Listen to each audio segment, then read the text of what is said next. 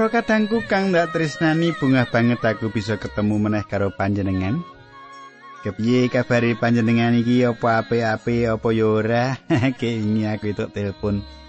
Wah, telepon saka Bapak Sawijan. Bener ya, Bapak Sawijan. Kados pundi, Bapak? Kondungake menawa uripe saiki rada rekoso marga kena PHK. Saiki jaman saiki panjen kaya mengkono katengku kudu ngati-ati.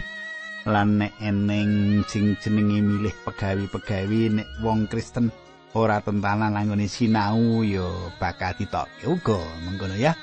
Nah katengku aku bakal bebarengan karo panjenengan. Kirane bisa nguatake panjenengan ana ing margi utami ya kuwi adicara kang wis dadi kelangenan panjenengan. Aku pendeta pujian to matur nuwun panjenengan ugi ndongakake aku. Sugeng midhangetake adicara iki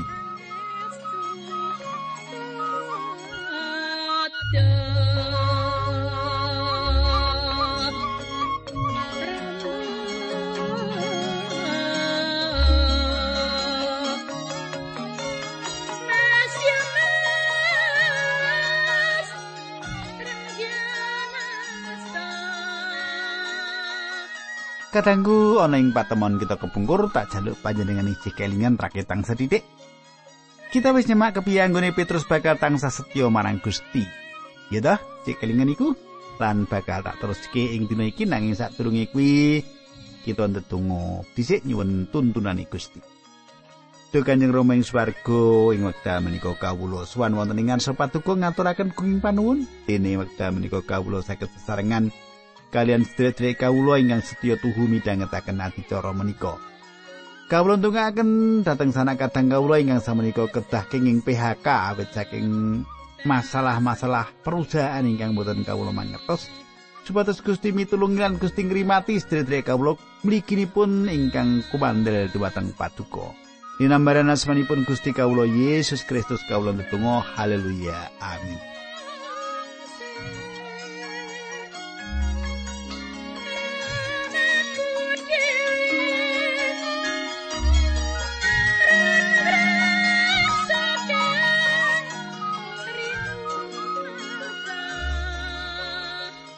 Pamiyarsa kang ndak tresnani. Pasinon kita ing dina iki wis ngancik ing pasal 14 Injil Yohanes. Pasinon kita iki wis ngancik ing pasal 14 Injil Yohanes. Anggone milah-milah kitab suci sawijining penggawean kang ngidap-idapi awit kanthi milah-milahake banget mitulungi kita nemokake apa kang kita golek ing sajroning kitab suci nanging kala-kala nggone milah nggone mungge pasale ing panggonan kang ora pas kaya kang dumati kene Apa kang dingendikake Gusti Yesus ing pasal 14 kuwi terusi apa kang dingendikake marang Simon Petrus kang katulis ing pasal 13. Dadi munggele ora pas. Simon Petrus lagi wae matur yen dheweke siap ngorbanake uripe kanggo Gusti Yesus kanggo panjenengane. Sebanjuri Gusti paring pangandikan marang Simon Petrus yen Simon Petrus bakal nyelaki utawa nampik marang Gusti nganti kaping telu sadurunge jago kluruk ing wayah esuk. Gusti Yesus maringi pasal iki kanggo mitulungi dheweke, mitulungi Petrus nglewati petenge bengi penampik lan nggawa maneh Petrus marang gegayutan karo Allah. Pasal iki diparingake kanggo nglipur dheweke. Maksude nglipur Petrus. Saiki coba tak wacake ayat 1 bab 14. Nalika semono Sang Prabu Herodes raja ing tanah Galilea mireng pawartani bab Gusti Yesus. Kadangku manungsa ing jagat iki padha golek panglipuran kalbu ing jaman iki. Wong-wong mau duwe pepinginan kaya ngopo ngrasakake katentreman ana ing sajroning atine. Mung Gusti Yesus wae kang bisa maringake panglipuran iku. Lan ana ing pangandikan iki panjenengane maringi landesane marang kita. Pracaya marang Allah lan pracaya marang aku uga. Ana ing tembung pracaya kuwi kita nemokake preposisi. Utawa tembung ancer-ancer eis kang ateges marang. Nalika Yohanes ngandhakake kang gegayutan karo iman kang nyelametake tansah ana tembung ancer-ancer ing jerone. Iman kuwi iman kang mempeng utawa aktif. Lan dudu iman kang pasif utawa ora giat. Pracaya iki yaiku pracaya marang utawa pracaya atas utawa pracaya ing sajroning. Iman iki yaiku iman kang sregep kang kebak keyakinan. Panjenengan percaya marang Sang Kristus iku ateges panjenengan masrahake badan sak putuhe kanthi kebak kapertayan marang panjenengan. Pracaya marang Allah. Pracaya uga marang aku yaiku pratela kang banget dening cetha kang meratelake yen panjenengan kuwi Allah. Aku kenal karo salah sajining profesor teologi kang kondo yen Gusti Yesus kuwi ora ngakoni sifat kealahane. Aku kepengin ngerti apa kang dikersake dening Gusti Yesus sing kene. Menawa panjenengane ora kagungan karso ngendika yen panjenengane kuwi padha karo Allah. Pratelo panjenengane iki nyetake sawijining perkara ing kene. Pracaya marang Allah ateges agawe panjenengan dadi wong Kristen. Panjenengan kudu duwe iman lan keyakinan pribadi marang Sang Kristus. Ayat loro. Ing dalem ramaku akeh panggonan, mulane aku mrono supaya nyawisake panggonan kanggo kowe saupama ora mengkono mesti kowe ora padha ndak kandhani. Katanggu, ayo kita nyemak luwih dhisik. Apa kang sinebut daleme rama? Daleme Rama yaiku jagat raya kang jembar. Ing ngendi panjenengan lan aku urip dina iki. Kita urip ana ing sajroning planet kang cilik, salah siji kang cilik. Kita mung lebu ing jagat raya iki. Kita urip ing sadrone daleme Rama kang kawitan manungsa duwe pikiran yen lintang-lintang ing dhuwur kono yaiku kaya bolam listrik kang ditaleni ana ing payone jagat raya. Kang kawitan. Ngono kuwi. manungsa sebanjure naliti lan nemokake yen kita ana ing sawijining tata surya, kita sabenere ana ing sawijining planet kang cilik kang ngubengi srengenge. Lan ana sawetara planet kang liyane kang kakemulan samudraning cahaya. Ing sakiwa tengene srengenge bebarengan karo planet kita. Kita bebarengan karo sawetara tata surya liyane ana sawijining sistem galaksi. Lan nalika kita nyawang galaksi Bima Sekti, panjenengane gondeleng anane sistem galaksi kang siji. Dadi galaksi kita mung salah siji ing antarane galaksi-galaksi liyane. Menawa kita arep ngerti luwih adoh meneh, kita bakal ndeleng galaksi-galaksi kang liya kang ngagawe galaksi kita mung kaya kacang cilik ing tata surya. Ana kang kandha yen galaksi kang paling cedhak karo galaksi kita, galaksi Andromeda.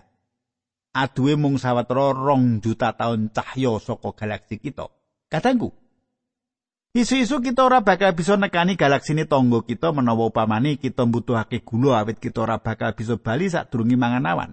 Lan maneh, galaksi iku babar pisan dudu pojok ing jagat raya iki. Luwih jembar saka kabeh galaksi iku ana sawijining sistem sing jenenge kuasar. Jelarane para astronom iku nyebut sistem kuwi kuasar yaiku awet tembung iku asale saka tembung Jerman kang tegese sawijining bab kang ora dingerteni. Para astronom mau nemokake sistem iku kanthi nggunakake radio teleskop. Wong-wong mau malah wis mbangun teleskop kang luwih gedhe ing Inggris lan wong-wong mau nemokake kang luwih jembar lan luwih adoh saka kuasar kang nganti saiki kita ora ngerti apa. Kanthi mengkono para ilmuwan Inggris kuwi menehi jeneng kang dudut ati disebut blok. Kanthi mengkono sistem iku dijenengake blok. Iki nuduhake yen kita pancen babar pisan ora paham kaya ngopo jembari jagat raya iki. Menawa jagat raya iki ora winatesan sing mesti ana Allah kang ora winates, ya toh? Bisa uga Allah ngedarake kita ana ing papan kita mapan supaya kita bisa ndeleng alam kang jembariku lan ngrumangsani yen ana Allah kang ngungkuli samubarang kabeh. Katanggu kang dak tresnani. Gusti kita paring pangandikan ing daleme ramaku akeh panggonan. Aku yakin nalika Gusti Yesus ngendika perkara iku karo mesem. Panjenengane sing nitahake sekabihe lan panjenengane pirsa akeh omah kang ana ing kono kita ora ngerti lan bisa uga kita ora bakal tau ngerti. Aku ora yakin yen Gusti Allah masang sawijining tondo bab anane papan kosong ing angkasa luar kono.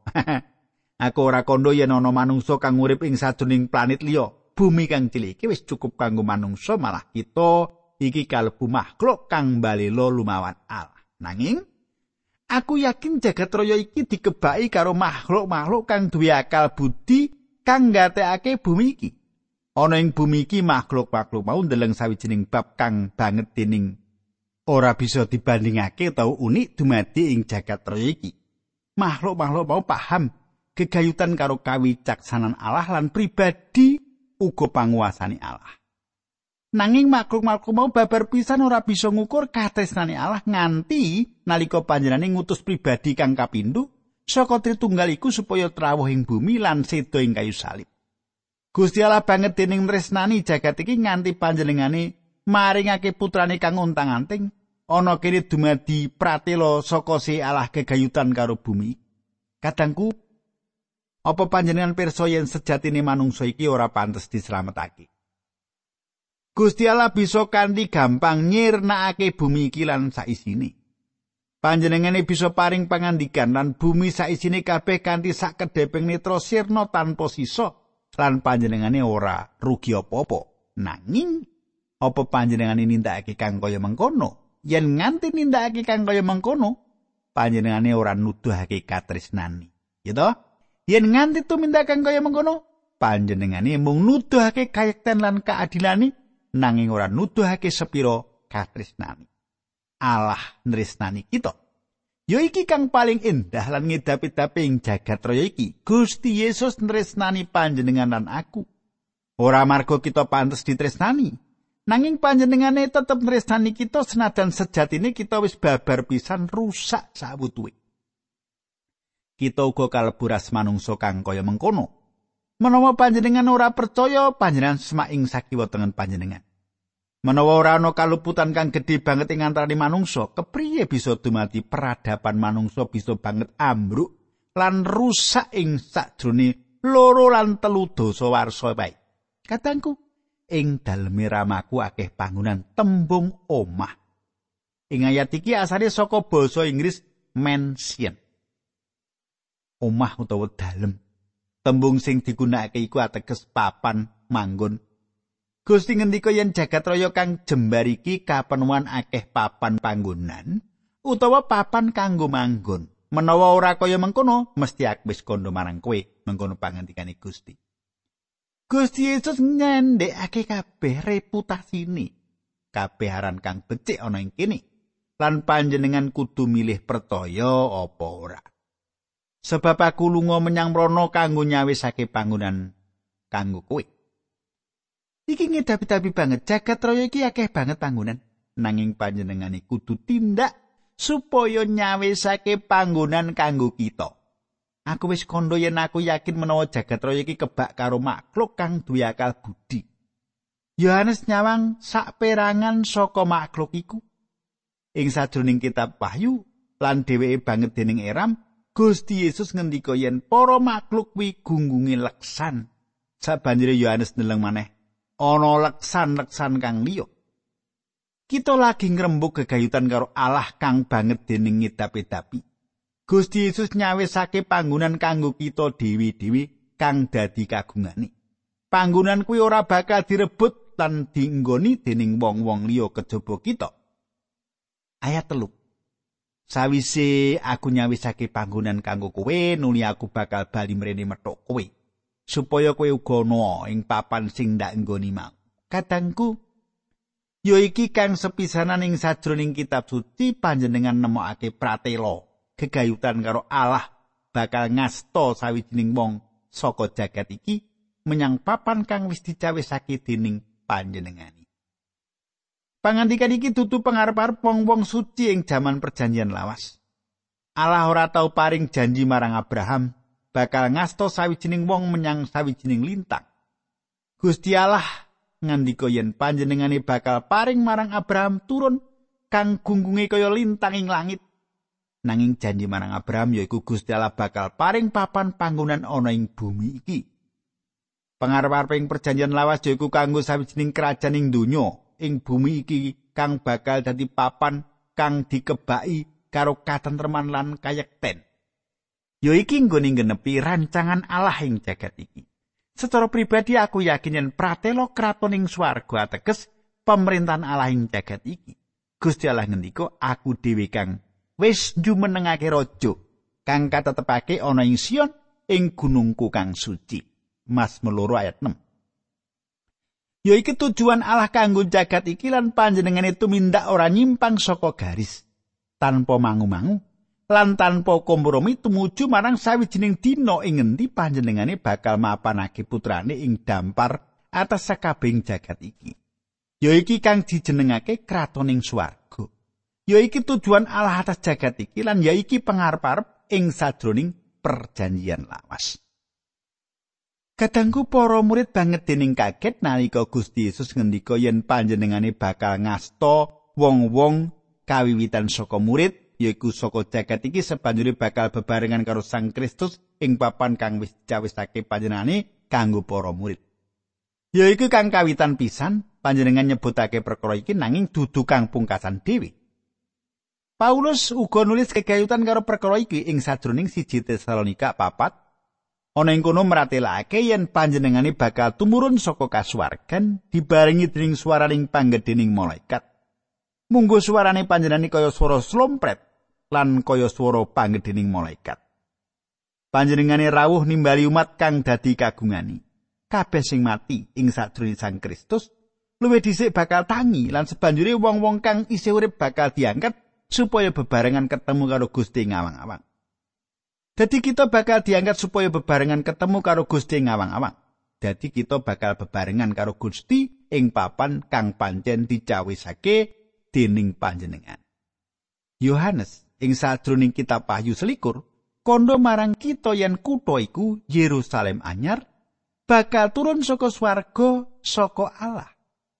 Kutha iku bakal dadi kutha kang anyar.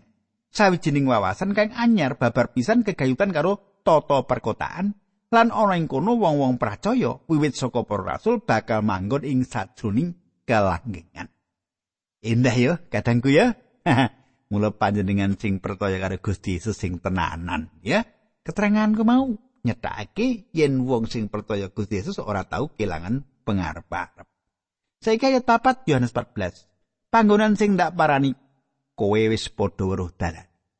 Kadangku Gusti Yesus ngangkat para murid iku marang derajat kang luwih dhuwur awit ing kamaran dhuwur iku wis ana gambaran kayu salib. Kayu salib wis dadi angenan kumpulan kuwi lan dosa wis ngadeg ing ngareping lawang lan notok njaluk upahan. Gusti kita mbudidaya supaya ngangkat para murid ing derajat saiki ing kene menyang tingkat jaman kang arep teko. Saka kang wujud materi menyang kang kasukman rohani. Saka kang asipat donya marang kang asipat kasuwargan.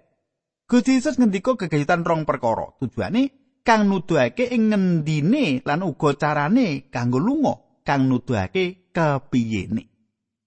Ayat 5 Thomas nuli nyuwun pirsa. Guru, kula sami mboten ngertos papan ingkang panjenengan tuju. Kados pun tinggen kula sumerep merginipun. Kadangku ana rasul kang lungguh ana kono kang jenenge Thomas. Wong iki kang gampang mangumang. Ketoke dheweke tansah ngaturake pitakonan utawa pitakonan nuwuhake mangu-mangu. Ing sajroning pikirane kaya-kaya ana tandha pitakonan kang gedhe lan ngentekake wektune Gusti kanggo gawe tandha pitakonan kuwi dadi tandha seru kang tegas. Aku seneng banget. Rasul iku ana ing kono lan dheweke ngaturake pitakonan. Awit apa? Awit pitakonan iku pancen pitakonan kang apik banget. Menawa Thomas ora ngaturake pitakonan iku, kita ora bakal tau krungu jawaban kang banget dening tapi-tapi saka Gusti kang dadi salah sijining sari patining Injil. Coba panjenengan gateke ayat 6. Gusti Yesus ngendika, "Aku iki dalane marang Gusti Allah." lan aku sing nuduhake Gusti Allah kuwi sapa lan kepriye kanane aku go sing menehi urip marang manungsa ora ana wong siji wae sing bisa sowan marang Sang Rama yen ora lantaran aku Kadangku ing sajroning basa Yunani cetha banget maknane minangka tembung sifat. Gusti Yesus ngendika aku iki siji-sijine dalan. Panjenengane ora mung salah siji ngantarane wong-wong kang nuduhake dalan, nanging panjenengane dhewe iku dalan. ora ana gereja utawa upacara kang bisa nuntun panjenengan marang Allah. Mung Sang Kristus kang bisa nuntun panjenengan marang Gusti Allah. Panjenengan kuwi siji-sijine dalan. Panjenengan kudu milih apa panjenengan kagungan Sang Kristus utawa ora. Apa panjenengan percaya marang panjenengane apa ora? Gusti Yesus ngendika yen panjenengane yaiku siji-sijine kayekten. Panjenengane ora ngendika yen panjenengane kuwi wong kang martakake kayekten, senajan panjenengane pancen martakake. Panjenengane yaiku kayekten iku. Panjenengane kuwi patokan kanggo kayekten. Watu kang dadi ukuran kanggo kayekten. Lan panjenengane iku kauripan. Gusti Yesus mung ngendika yen panjenengane kuwi urip. Panjenengane kuwi sumber asal urip wiwit saka tetuwuhan kang cilik dhewe nganti makhluk kang gedhe dhewe kang duwe urip. Kadangku ora ana wong siji wae sing sowan marang Sang Rama menawa ora mlumantar aku. Gusti Yesus ngendika yen panjenengan iki siji-sijine dalan marang Gusti Allah. Apa kang dingandikake iku sawijining pratela kang dogmatis kang banget dening tegas. Sawetara taun kepungkur ana mahasiswa kang kondo yen dheweke ora seneng marang kitab suci awit isine kebak karo dogmatis. Dogmatis kuwi ajaran gegayutan karo kapercayan. Aku setuju karo apa kang dikandhake mahasiswa mau. Dheweke milih salah siji ayat mligi lan kondo iki dogmatis banget. Aku kondo, pancen bener. Nanging apa mahasiswa kuwi wis paham yen salah siji sifat saka kayekten kuwi yaiku pancen dogmatis. Kayekten pancen kudu dogmatis. Katengku, Aku duwe guru kang banget dening dogmatis lan kaku. Guruku kuwi meksa kabeh murid supaya percaya yen loro ditambah loro padha karo papat. Guruku mau ora mertuli apa wae kang aku kabeh cekel mbuh duit rong rupiah mbuh loro apel. Guruku tansah kondo yen loro ditambah loro ana papat. Guruku banget dening dogmatis. Aku go ngerti yen wong-wong kang nyambut gawe ana ing bank uga nggunakake prinsip kang padha. Salah siji sifat kayak Kristen yaiku dogmatis. Nanging kadangku ora kabeh dogmatisme iku kayekten. Ana akeh perkara kang ora dingerteni sebanjure dadi dogmatis. Nanging kayekten iku dhewe tansah dogmatis. Nalika aku njaluk tulung arah dalan ing sajroning aku tumuju ing sawijining papan, aku ora gelem dituduhi wong kang ora yakin lan ora gumathok arahe. Aku kepengin entuk pituduh dalan kang gumathok nganti aku tekan papan kang tak tuju. Ana ngendi aku kudu menggo? Piro adoe? Nalika aku kondo karo bocah nom iki, yutan wong sak suwene 1900 taun luwih sowan marang Sang Kristus awit pratelo aku iki dalan. Lan wong-wong mau nampani yen pangandikan kuwi bisa dipercaya lan ya iku kang dadi dalan nuntun wong-wong menyang kasuwargan. Kenapa panjenengan ora nyoba? Gusti Yesus ngendika, panjenengan ora bakal bisa mlebu ing swarga kejaba lumantar panjenengan. Aku seneng awit Thomas ngaturake pitakonan ing kamaran dhuwur. Kados pundi kula sami saged mangertos mergini tanpa pitakonan kuwi mulo kita ora bakal bisa nampa jawaban kang indah banget ing sakjroning Yohanes 14 ayat 6 iki. Katanggu tak sigek semene dhisik. kita terusake ing dina candhaki. Aja lali. Panjenengan gawa kitab petuk aku. Ngono ya. Lan aku medhar sabdane Gusti Allah. Sadurunge kita pungkasi kita ndedonga dhisik. Duh Kanjeng Rama ing swarga kawula ngaturaken kenging panuwun menawi wekdal menika kawula saged tetunggilan kawula saged sesarengan sedherek kawula lan kawula nyuwun supados Gusti berkahi Gusti mitulungi sedherek kawula menika. Saungkur kawula wonten ragi menika. Berkah paduka tansah lumuntur dhateng sedherek kawula menika. Dinambaran asmanipun Gusti Yesus Kristus kawula tetunggal haleluya. Amin